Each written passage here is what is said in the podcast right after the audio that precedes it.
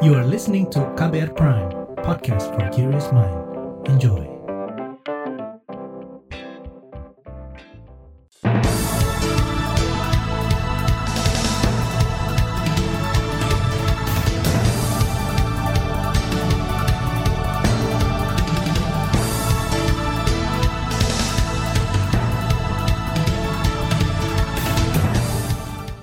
Pagi saudara, senang sekali bisa menjumpai Anda kembali melalui program Buletin Pagi edisi Jumat 24 Juni 2022. Saya Malika.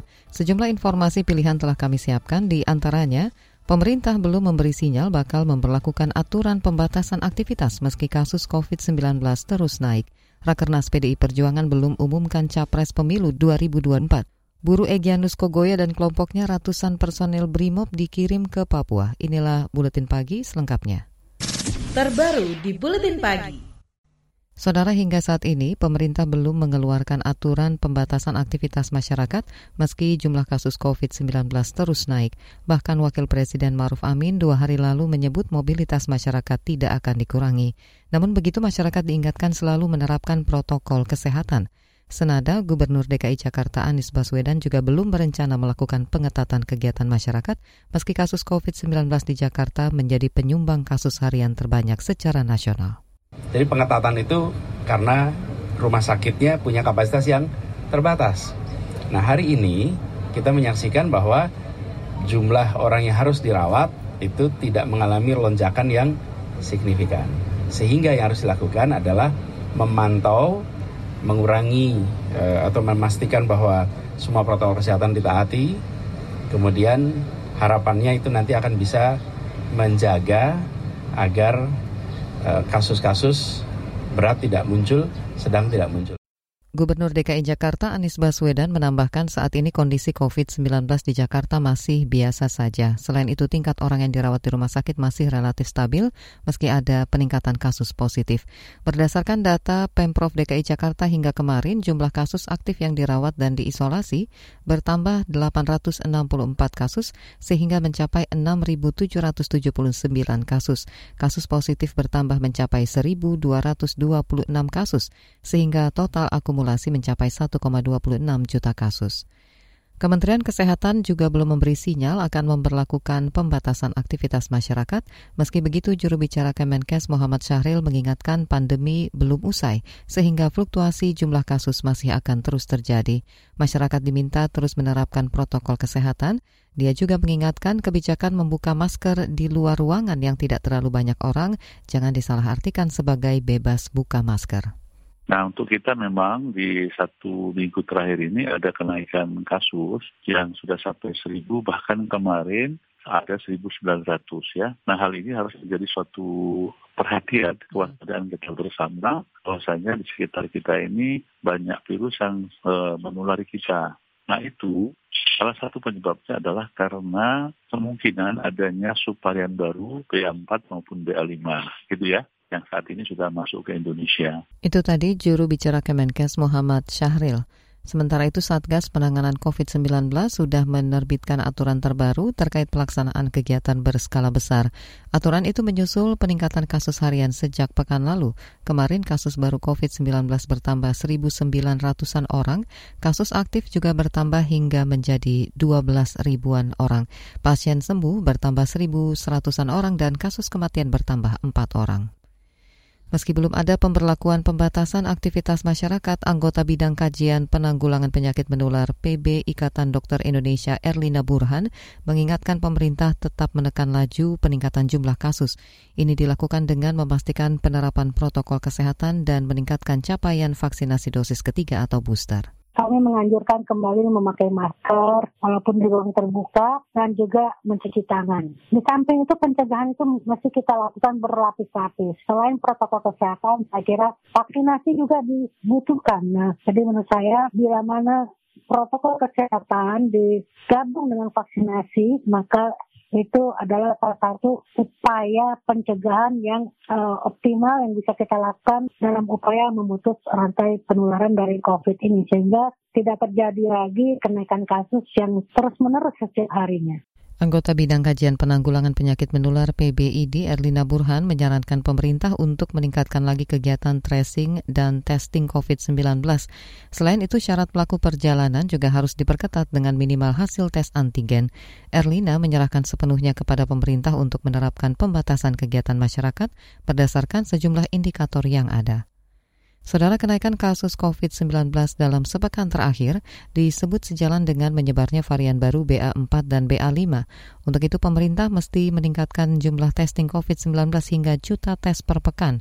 Ini disampaikan Kepala Bidang Pengembangan Profesi Perhimpunan Ahli Epidemiolog Indonesia, Mas Dalina Pane yang terpenting bagi pemerintah adalah bagaimana mengendalikannya. Bagaimana supaya tidak meluas penularannya, kemudian bagaimana agar uh, tidak meningkat uh, angka kematiannya, walaupun subvarian BA4, BA5 ini karakteristiknya memang tidak virulen atau tidak ganas. Tetapi bagi mereka-mereka yang komorbid selalu ada kemungkinan untuk mendapatkan kondisi yang berat sampai meninggal. Nah ini yang harus dilakukan uh, oleh pemerintah. Selain testing COVID-19, Mas Dalina Pane juga mengingatkan perlunya peningkatan tracing atau penelusuran kontak erat pasien positif.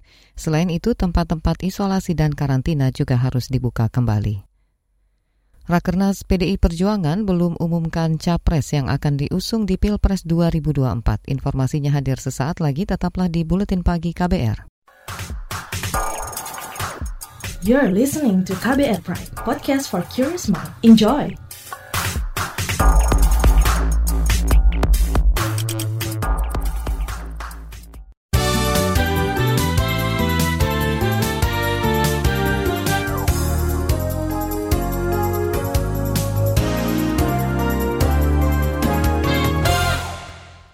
Presiden Joko Widodo mengapresiasi capaian pemerintahannya yang mendapat opini wajar tanpa pengecualian WTP dari BPK.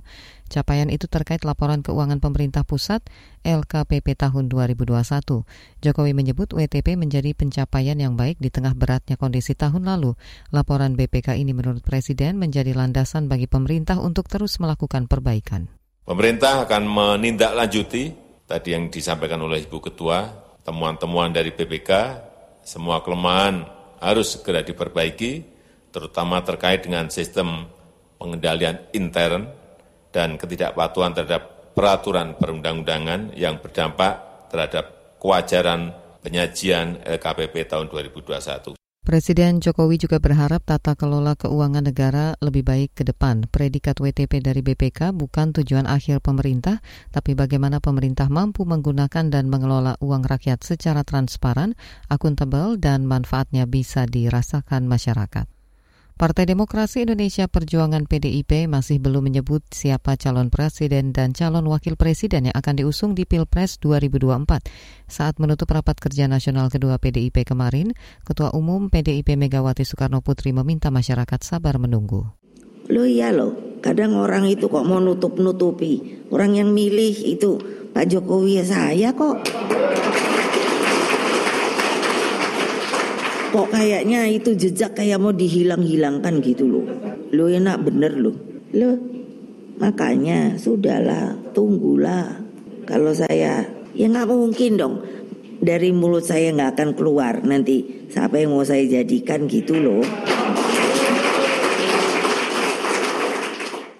Ketua Umum PDIP Megawati Soekarno Putri menambahkan dirinya punya hak prerogatif untuk menentukan capres dan cawapres PDIP di Pilpres 2024. Megawati hanya menjelaskan sosok pemimpin yang dicari partainya tidak hanya yang menang secara elektoral saja, tapi lebih penting harus kuat ideologis dan mampu mengelola tata pemerintahan. Pemerintah memastikan bakal mengganti kerugian peternak yang sapinya terpaksa dimatikan akibat terjangkit penyakit mulut dan kuku PMK. Menko Perekonomian Erlangga Hartarto menyebut nilainya mencapai 10 juta rupiah per ekor. Selanjutnya terkait dengan uh, pergantian, uh, terutama terhadap hewan yang dimusnahkan ataupun dimatikan uh, paksa, pemerintah akan menyiapkan uh, ganti, terutama untuk uh, peternak UMKM itu uh, sebesar 10 juta rupiah per sapi. Menko Perekonomian Erlangga Hartarto mengatakan telah mendapat instruksi dari Presiden Jokowi untuk menyiapkan penanganan wabah PMK hewan ternak. Saat ini pemerintah akan terus menyiapkan obat-obatan untuk hewan ternak yang terinfeksi PMK. Jumlah vaksinator juga akan ditambah untuk menggenjot cakupan vaksinasi PMK. Pengadaan vaksin PMK tahun ini sebanyak 29 juta dosis. Pendanaannya dibiayai dari Komite Penanganan COVID-19 dan Pemulihan Ekonomi Nasional. Beralih ke berita ekonomi, perekonomian Indonesia masih berpotensi tumbuh kuat. Menteri Keuangan Sri Mulyani memproyeksikan pertumbuhan ekonomi tahun ini bisa mencapai antara 4,8 hingga 5,3 persen. Proyeksi optimistis ini antara lain didasarkan pada aktivitas produksi yang masih tetap ekspansif secara konsisten, meskipun dampak dari gejolak ekonomi global masih tetap harus diwaspadai tren ini adalah suatu tren yang cukup bagus dengan uh, tentu dilihat tadi konsumennya meningkat dengan aktivitas meningkat dan juga dari sisi produksi meningkat ini berarti investasi tumbuh tinggi dan ekspor kita masih tumbuh tinggi. Import juga tumbuh tinggi namun masih mencatatkan surplus Menteri Keuangan Sri Mulyani juga menyatakan kegembiraannya secara karena lokomotif utama pertumbuhan ekonomi tidak lagi bergantung pada APBN. Saat ini menurut Menkyu mesin pertumbuhan ekonomi sudah mulai menyala, yaitu di sisi konsumsi, investasi, dan ekspor. Kita ke mancanegara, pemimpin Myanmar yang digulingkan Aung San Suu Kyi saat ini dipindahkan ke sel isolasi terpisah. Ini disampaikan juru bicara junta militer Myanmar, Mayor Jenderal Zhao Mintun. Sebelumnya, Suci telah menjadi tahanan rumah di sebuah lokasi yang dirahasiakan di ibu kota Nap Yidau. Chi telah menjadi tahanan rumah Penahanan dilakukan sejak militer merebut kekuasaan dalam kudeta 1 Februari tahun lalu. Suci peraih Nobel Perdamaian yang berusia 77 tahun pada Ahad lalu telah didakwa 20 pelanggaran pidana. Ia berpotensi mendapat hukuman penjara maksimum gabungan lebih dari 100 tahun. Pelanggaran pidana itu antara lain tuduhan korupsi, pelanggaran undang-undang pemilu, dan rahasia negara. Suci selalu menyangkal semua tuduhan tersebut. Proses pengadilan maraton Suci berlangsung tertutup dengan hanya informasi terbatas dari media pemerintah. Bahkan persidangan sedang diupayakan dilakukan di pengadilan khusus yang baru dibangun di penjara ibu kota. Perintah pembungkaman juga telah dikenakan kepada tim pengacara Suci. Kita ke berita olahraga, Federasi Bulu Tangkis Dunia BWF kemarin menyatakan akan mulai memproses kajian untuk memutuskan regulasi bagi atlet transgender. Langkah ini menyusul rekomendasi Komite Olimpiade Internasional yang menyerahkan keputusan ke federasi olahraga masing-masing terkait kelayakan atlet transgender berlaga di nomor putri. Sebelumnya Federasi Akuatik Dunia, FINA, tegas-tegas menolak atlet transgender berkompetisi di nomor putri. Selain FINA, Federasi Sepak Bola Dunia FIFA dan Federasi Atletik Dunia juga sudah meninjau regulasi transgender atau pria berubah menjadi perempuan. Sejauh ini kalangan pembela transgender berargumen tidak cukup banyak studi yang mempelajari dampak perubahan gender terhadap performa fisik. Para pendukung LGBT bahkan menyebut regulasi larangan berlaga atlet transgender di nomor putri sangat diskriminatif. Di bagian berikutnya kami hadirkan laporan khas KBR tentang langkah aparat tangani khilafatul muslimin. Tetaplah di Buletin Pagi KBR. You're listening to KBR Pride, podcast for curious mind. Enjoy!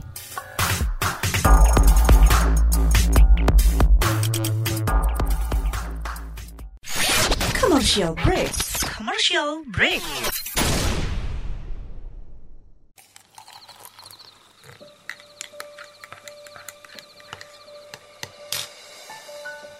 Hai, kamu apa kabar?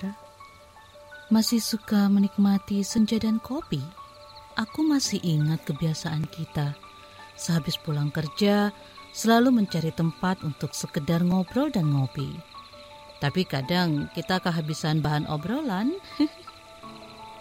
Aku masih melakukan hal yang sama sampai sekarang tanpa harus takut habis bahan buat ngobrol. Karena aku selalu mendengarkan KBR sore dari Senin sampai Jumat jam 4 sore. Ah, aku rindu. KBR Inspiratif Terpercaya.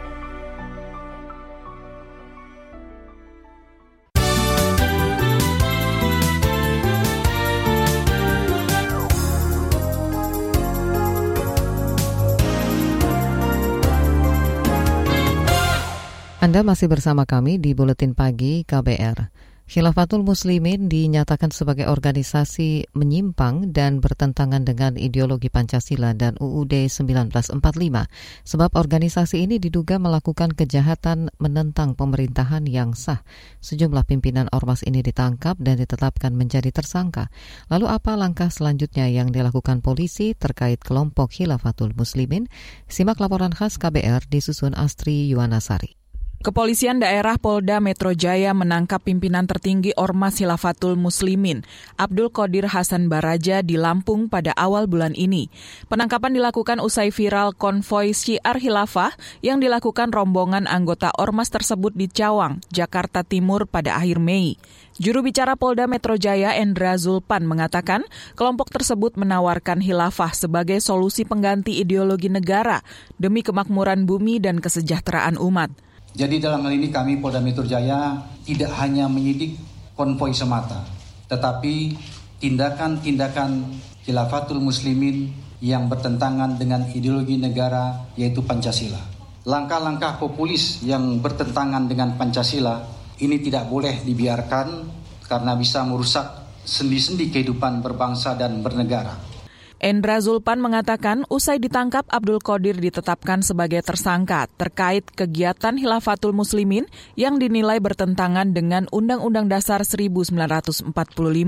Setelah penangkapan Abdul Qadir Hasan Baraja, satu persatu para pimpinan Pusat Hilafatul Muslimin diringkus polisi dan ditetapkan sebagai tersangka. Lima pimpinan tertinggi Hilafatul Muslimin ditangkap pada kisaran waktu 11 Juni 2022 di empat daerah berbeda yakni AA yang berperan sebagai Sekretaris Silafatul Muslimin.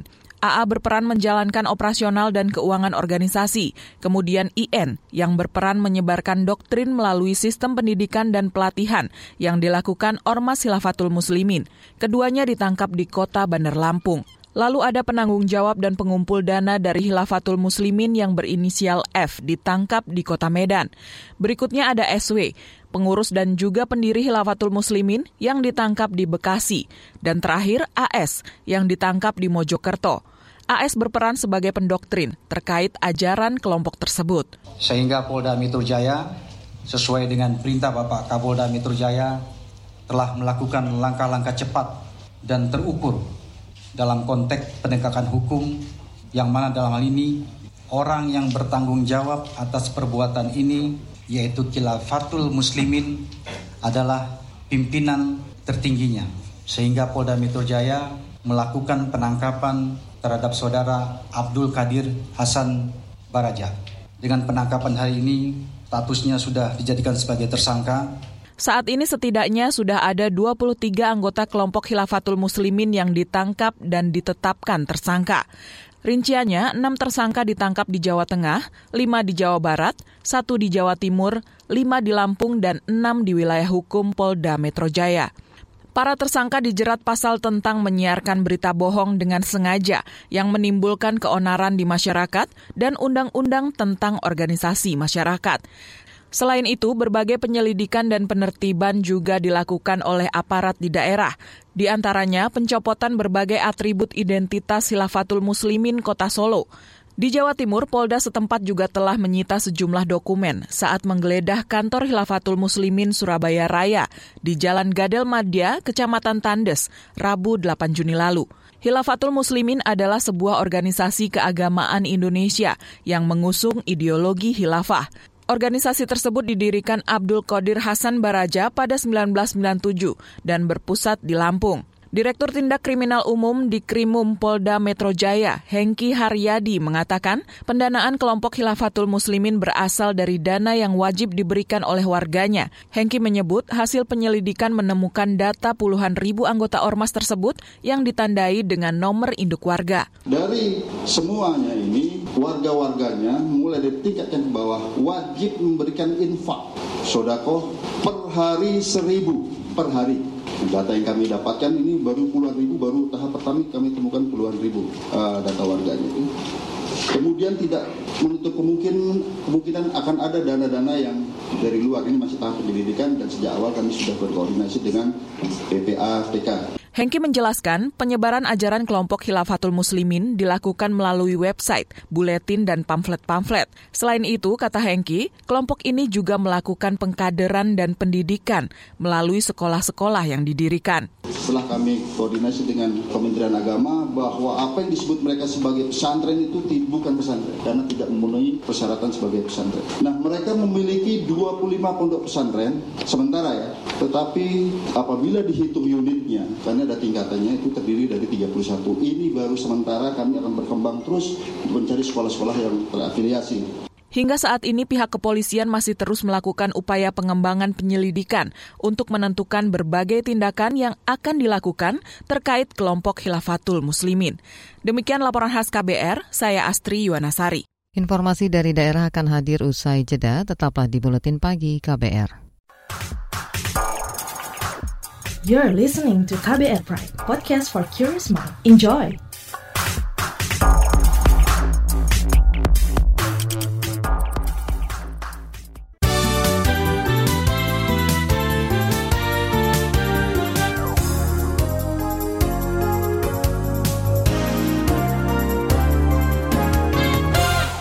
Inilah bagian akhir buletin pagi KBR. Saudara Polda Papua akan mengirim 300 brimob ke Kabupaten Jayawijaya Papua. Kapolda Papua Matius Fakhiri menjelaskan pengiriman ratusan personil itu untuk memburu kelompok Tentara Nasional Pembebasan Papua Barat TPNBP pimpinan Egyanus Kogoya di Kabupaten Duga. Untuk melakukan uh, pencarian pencarian ekstra, dan maksimal untuk bisa mendapat kembali atau menemukan kembali eh, senjata kita yang hilang. Termasuk kami dari Polda Papua juga akan memperkuat dari Brimo Polda Papua untuk membantu Polres dan juga membantu tim tindak dari Satgas. Kapolda Papua Matius Fakhiri menambahkan 300 personel BRIMOB akan segera tiba di Wamena. Kapolda menegaskan tidak akan membiarkan kelompok bersenjata terus menebar teror ke warga sipil dan aparat keamanan. Pabrik gula tersisa di Jawa Barat kini tinggal dua saja, yaitu pabrik gula Tresna Baru dan Jati 7 yang merupakan unit usaha dari pabrik gula Raja Wali 2. Sebelumnya di Jawa Barat ada delapan pabrik gula. Dampak penurunan berkurangnya pabrik gula ini menurut Direktur Keuangan dan Supervisi Pabrik Gula Raja Wali 2, Oksan Panggabean, dari 13.000 hektar lahan tebu, tahun lalu Jawa Barat hanya mampu memproduksi gula 53.000. Dari jumlah 8 pabrik, sisa dua di Jawa Barat. Apa kita tidak malu? Petani tebu malu nggak? Malu. Kenapa pemerintahannya tidak malu ya? Kenapa direksinya BUMN tidak malu ya? Jawa Barat mau kapan bisa swasembada gulanya? Untuk siapa? Untuk dalam negeri dulu. Untuk rakyat Jawa Barat dulu. Kapan bisa swasembada? Direktur Keuangan dan Supervisi Pabrik Gula Raja Wali II Oksan Pangabean menambahkan produksi gula Jawa Barat sebanyak 53 ribu ton per tahun mampu memenuhi 36 persen kebutuhan gula nasional. Jumlah produksi gula Jawa Barat kalah oleh Jawa Timur, Lampung, Jawa Barat, Jawa Tengah, Sumatera Selatan, Gorontalo, dan Sulawesi Selatan. Kementerian Perindustrian kemarin meresmikan pembukaan desa devisa lada hitam di Lampung Timur. Menteri Perindustrian Agus Gumiwang mengatakan program desa devisa merupakan hasil kolaborasi antara Ditjen Industri Kecil, Menengah, dan Aneka dengan Lembaga Pembiayaan Ekspor Indonesia. Kami juga sudah memiliki program Desa Devisa Kementerian Perindustrian yang bekerjasama dengan LPEI dan ini sebagai Percontohan, kami bekerja sama dengan Kabupaten Lampung Timur dengan komoditas pilihannya adalah lada hitam dan ini kami, kami akan segera melakukan penetrasi pasar-pasar ekspor untuk lada hitam. Menteri Perindustrian Agus Gumiwang optimistis desa devisa lada hitam Lampung Timur dapat mendukung industri kecil dan menengah Provinsi Lampung semakin berjaya di pasar global. Informasi tadi menutup jumpa kita di Buletin Pagi hari ini. Pantau juga informasi terbaru melalui kabar baru situs kbr.id, Twitter kami di akun @beritaKBR, serta podcast di alamat kbrprime.id. Saya Malika bersama tim yang bertugas undur diri. Salam.